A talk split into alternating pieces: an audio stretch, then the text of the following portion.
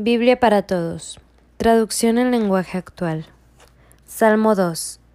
Dios y su Rey. ¿Por qué se rebelan contra Dios las naciones y los pueblos? ¿Por qué estudian la manera de luchar contra Él y contra su Rey? Inútiles son los planes de los reyes de este mundo.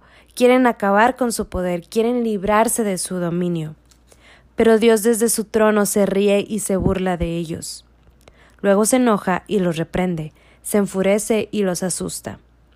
Los amenaza diciendo Ya elegí al rey que gobernará desde el monte Sión, que es mi montaña santa. Voy a dar a conocer lo que Dios ha decidido. Él me dijo Tú eres mi hijo, desde hoy soy tu padre. Pídeme lo que quieras, te daré como herencia a las naciones, todo el mundo será tuyo. Gobernarás a las naciones con mano de hierro, las destrozarás como a ollas de barro.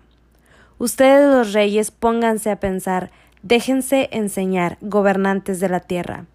Adoren a Dios con reverencia y con alegría ríndanle culto. Adoren a Dios para que no se enoje, pues fácilmente se enfurece y podría quitarles la vida. Dios bendice a todos los que en Él confían.